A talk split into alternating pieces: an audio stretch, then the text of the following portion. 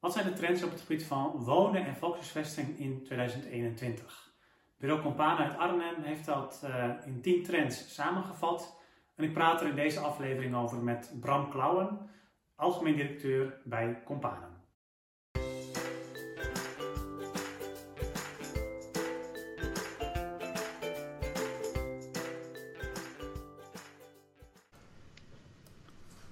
Ja, Bram, jullie hebben weer eigenlijk al, uh, ja, voor de, ik weet eigenlijk niet eens voor de hoeveelste keer jullie dit al doen, maar uh, doen jullie al, in ieder geval al jarenlang een aantal trends weer op een rij gezet. In dit geval voor 2021 voor de volkshuisvesting. En eigenlijk een overkoepelend thema daarin is eigenlijk, en dat is ook de titel, um, wonen de bakermat voor maatschappelijke oplossingen.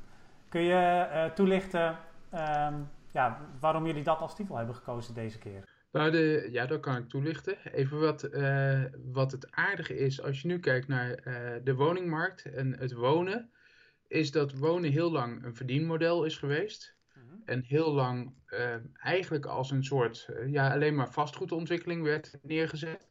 En dat je ook in verkiezingsprogramma's, in de samenleving, in dwarsverbanden die ontstaan, dat je steeds meer ziet dat dat het thuis van mensen, het huis waar mensen wonen, uh, een soort vertrekpunt is waar heel veel maatschappelijke vragen samenkomen. Ja. En uh, die waardering krijgt het wonen ook steeds meer. Dat, dat vind ik heel positief.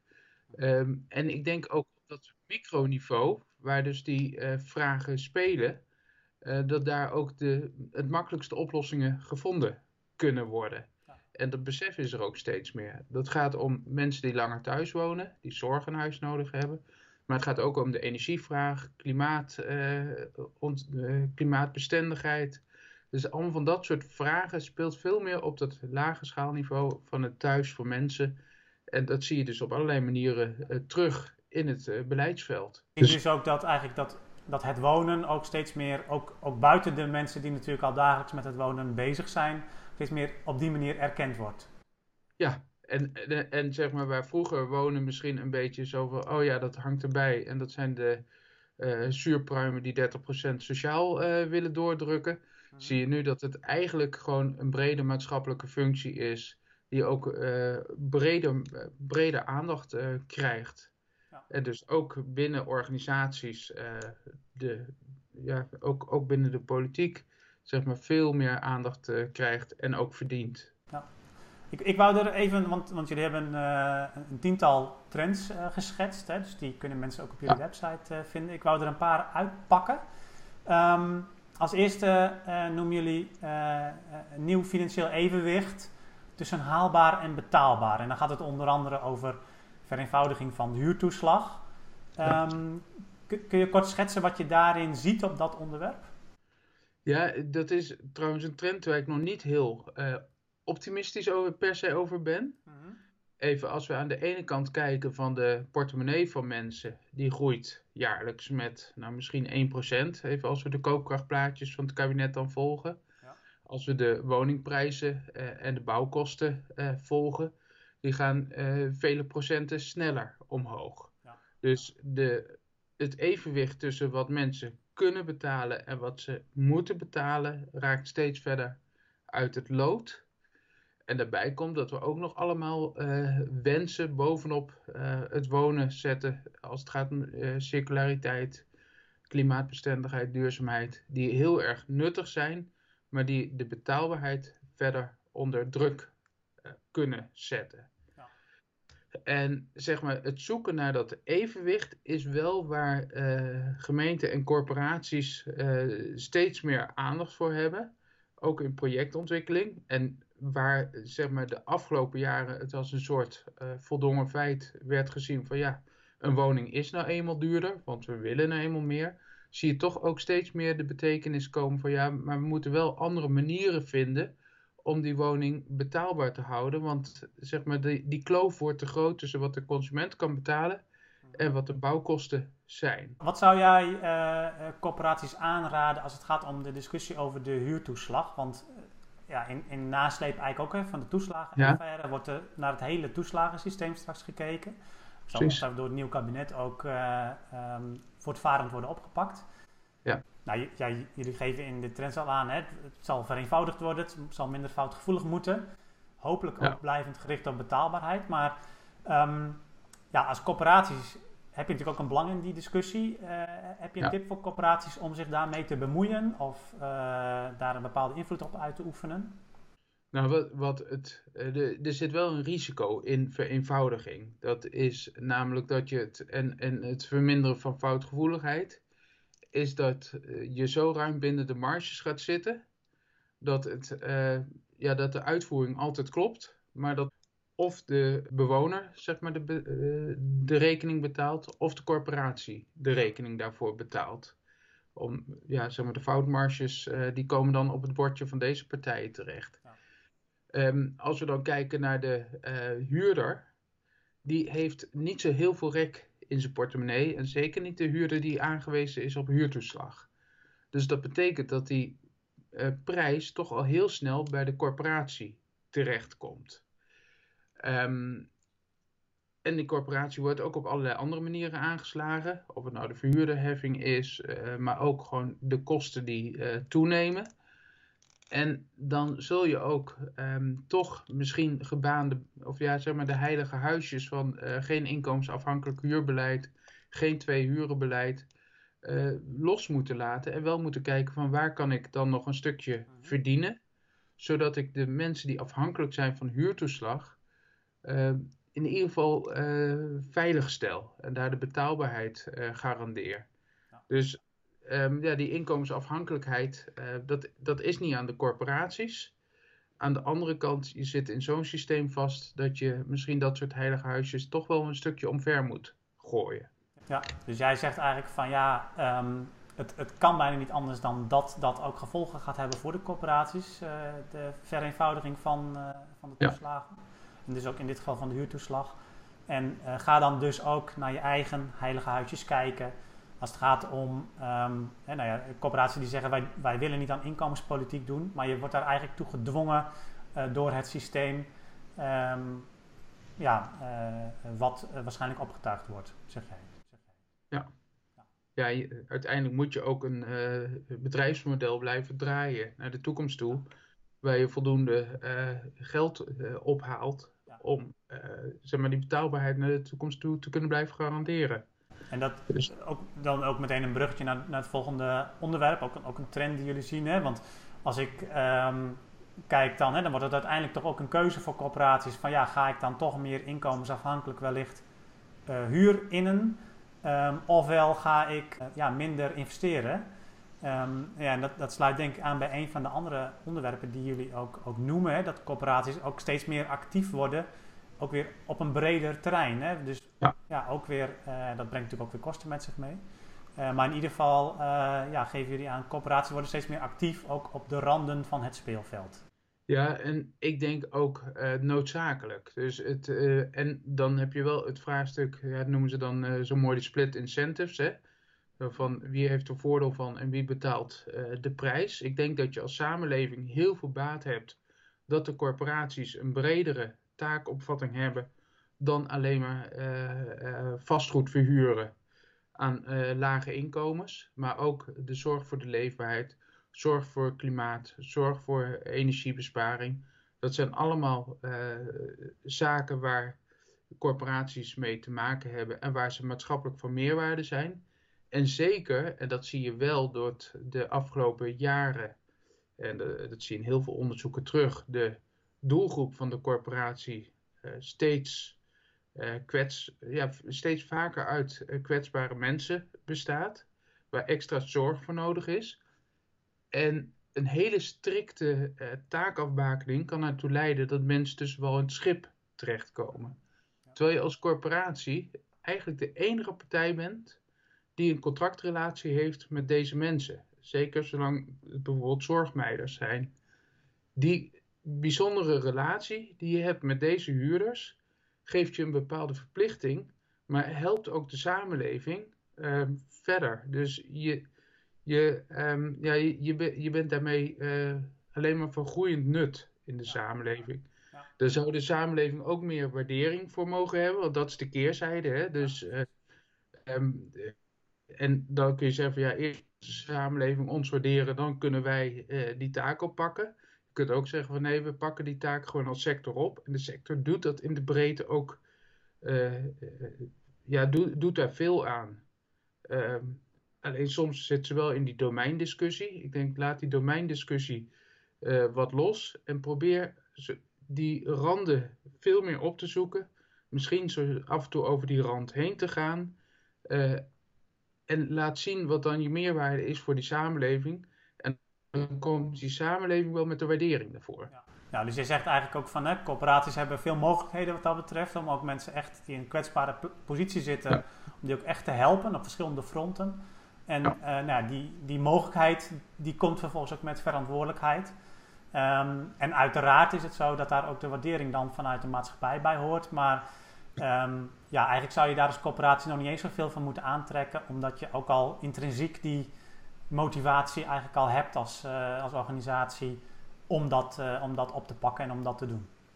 Ja, en als je er aan de voorkant wel, uh, ja, dat zie je wel eens gebeuren, dat, dat zo van ja, zolang jullie niet dit doen, dan kunnen wij niet dat doen.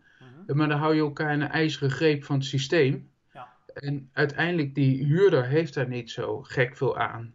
En ik snap ook wel dat je dan zo af en toe het gevoel hebt van ja, wij moeten wel steeds presteren. Uh, maar de credits, uh, ja, die worden dan beperkt gezien. Ja, uh, ja je moet, ja de, dat, dat is zo af en toe even de, de minste willen zijn en dan uiteindelijk ziet men het wel. Ja. En toch, want het is wel mooi, hè? Ik, ik, zie ook wel voorbeelden van bestuurders die dan wel die st eerste stap zetten. Hè? Want het is eigenlijk een beetje een spelletje, wie knippert het eerst soms. Uh, maar die dan wel die eerste stap zetten, maar die tegelijkertijd ook wel met de vuist op tafel blijven, blijven slaan. Ja. Om de verantwoordelijkheid uiteindelijk wel daar te krijgen waar die uh, misschien wel hoort. Ja. Uh, en ja, ik denk dat dat een hele mooie rol is die corporaties kunnen, kunnen vervullen.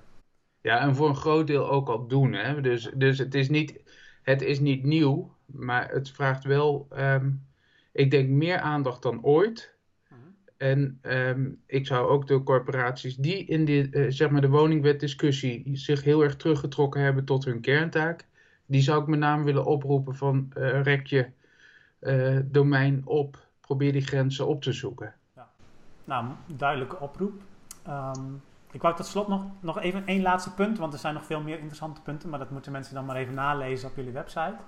Um, Eén uh, interessant punt vond ik nog uh, dat jullie eigenlijk voorspellen dat er een minister van Volkshuisvesting in het nieuwe kabinet komt. Um, ja. En uh, misschien nog wel belangrijker voor corporaties, dat dat ook een impuls zal geven aan een grotere rol voor gemeenten en regio's op het gebied van volkshuisvesting.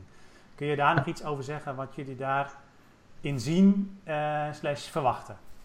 Nou, even de, de, dat in de, uh, zeg maar, op verschillende plekken lees je al van er komt een uh, minister van Wonen of van Leefomgeving. Dus er zijn allemaal uh, lobby's gaande om dat domein ook bij het Rijk weer een eigen ministerie te geven. ik heb bewust opgeschreven minister van Volkshuisvesting. Om ook wel even aan te geven, ja, het gaat wel om, even het risico is als je het wonen maakt dat het ook weer heel breed wordt. En dat is wel belangrijk. Maar uh, volkshuisvesting is ook wel een soort geuzennaam van we, we staan wel ergens ja. voor met z'n allen. Ik denk als het Rijk, want er gaan ook geluiden op dat het Rijk weer meer regie moet nemen. Ik ben daar zelf huiverig voor, want dan wordt er gedacht van als het Rijk het doet, dan los je elk probleem wel op. Ik weet niet of het Rijk altijd elk probleem, of als je maar meer overheidsbemoeienis hebt, dat dan de problemen opgelost raken de ordening in Nederland is dat uh, de, het Rijk wel de kaders aangeeft, maar dat de uh, uitwerking op lokaal niveau gevonden moet worden. Ja. Op het moment dat die minister van Volkshuisvesting zeg maar, op deze manier kaderstellend een impuls kan geven aan die lokale samenwerking, dan is die volgens mij heel waardevol. En krijg je dus ook vanuit uh, Rijksbeleid de waardering dat het lokaal van belang is. En op die manier, uh, zeg maar, die lokale uh, woonvisies, woonzorgvisies uh, veel meer aandacht krijgen. En dat merk je nu al, doordat de hele discussie zo gaande is, dat gemeenten en corporaties zich ook veel sterker ja, samen zoeken van hoe krijgen we nou voor elkaar dat we rond wonen en zorg, um, rond woonbeleid elkaar opzoeken In plaats van dat het zo van we wachten eerst af wat het Rijk gaat doen. Ja. Dus dat is eigenlijk wat ik bedoel van het Rijk geeft een impuls, maar laat niet de oplossing van het Rijk komen. Ja, ja helder. En, en, en wat verwacht jij, ehm, wat verwacht jij dan van die rol voor, van de gemeente? Met name ook ehm, in de relevantie voor corporaties. Hè? Want als ik hem even helemaal plat sla, als ik nu wel eens een, een ondernemingsplan of een, of een portefeuilleplan uh, maak, dan denk ik van, en dan, dan kijk ik natuurlijk altijd even naar de woonvisie. Uh, maar uiteindelijk blijven daar drie wat, wat vage globale bullet points van over, die je dan als aandachtspunt mee moet nemen. Ja. Uh, maar verder is dat natuurlijk heel beperkt en, en soms op, op onderdelen wel weer in de prestatieafspraken. Maar verwacht jij dat daarin veel verandering komt in de komende jaar of komende jaren? Ja, ik, en ik hoop het ook wel. Ik, even als uh, voorbeeld, hè, waar ik recent mee te maken had, was. Uh, het, het, was een discussie over een woonvisie. En dan heb je heel gauw uh, zo van ja. daar zitten een aantal beleidsuitspraken in. En zei ja, maar die stonden er vier jaar geleden ook in. Dus wat, wat verandert er nu? Ja. En toen ging de discussie van ja, wat, wat zouden we anders moeten doen in die lokale samenwerking om het dan uh, misschien die, even die 30% sociaal is niet spannend, maar dat dat van de grond komt. Hij zei, ja, maar daar gaat de woonvisie niet over, was de reactie. Ik zei, dat vind ik raar. Want volgens mij gaat de woonvisie nou net wel over hoe organiseer je het. Ja. En, toen, en toen kreeg ik met name vanuit de private partijen, dus de ontwikkelaars en de gemeente, die zeiden, ja, maar als die woonvisie eens een keer daarover zou gaan, dan zou ik eigenlijk er veel meer aan hebben. Dus hoe organiseer je het als gemeente? Welke stappen uh, kunnen wij nou zetten? Welke stappen zet je als gemeente? Dus eigenlijk veel meer die organisatievraag, de samenwerkingsvraag, zo van uh, hoe, hoe werken gemeenten en private partijen samen? Dat, dat um, ja, in de recente woonvisie zie je dat steeds meer als uh, leidend principe. En de inhoudelijke koers, ja, die wordt wel vastgesteld. maar die, die is misschien ietsje minder verrassend. Ja, dus dat is eigenlijk ook een beetje het verschil tussen een woonvisie die uh, als, als een stuk papier hè, met, met letters erop, en, en een woonvisie als echt een visie die actief door een heleboel mensen, eh, bestuurders, uh, ambtenaren wordt uitgedragen. En, en ja, en met aandacht, en dan, en dan moet jou aanspreken voor dat implementatietraject. Ja, hè? Nou, zeker, ja, ja, ja. Dus, ik ben uh, altijd heel uh, blij als, als er ook echt iets gebeurt met, uh, met wat er wordt ja. opgeschreven in beleidsstukken. Precies, dus, ja, daarom. dat is, daar ben ik altijd naar op zoek. Ja, en dat zou iedereen moeten willen. waarom je het hebt opgeschreven. Ja, precies. En heel soms zijn er goede redenen dan alsnog voor, maar heel vaak ook niet. Zo, even, de, dat, even zo, een verhaal heeft ook altijd een bepaalde politieke betekenis. Hè? En dat, dat is helemaal niet erg. Maar je moet wel steeds je afvragen, en wat doe je ermee? Ja, ja. En welke stappen gaan we nu zetten om het verder te brengen? Ja. En ik zie dat die stappen echt veel meer worden gezet dan twee jaar geleden. En dat uh, ja, maakt zo'n uh, verhaal op lokaal niveau, die samenwerking ook uh, in het publiek-private domein, ook veel interessanter. Volgens mij een hele heldere uiteenzetting. En ik denk ook eigenlijk in, uh, in het geheel best een uh, optimistisch uh, verhaal, denk ik. Hè? we hebben het natuurlijk even gehad over de huurtoeslag, maar los daarvan denk ik dat, dat eigenlijk de toekomst wat het wonen en de volkshuisvesting betreft in 2021 best wel met vertrouwen tegemoet kunnen zien. Ja. Um, nou, er zijn nog een aantal andere trends hè, over langer thuis, gezondheid en wonen, uiteraard de verduurzaming, circulariteit. Um, als mensen daar meer over willen weten, dan kunnen ze dat uh, op jullie website ook, ook, vinden. Ik zal eventjes ook een link onder de video zetten. Um, ik dank jou heel hartelijk uh, voor je toelichting uh, op deze trends. En nou, hopelijk tot volgend jaar, hè, want dan zullen jullie ongetwijfeld ja, weer precies. de trends van 2022 gaan, gaan schetsen. Ja. Dankjewel. Nou, gedaan. En dat optimisme, dat, dat is belangrijk dat dat doorklinkt.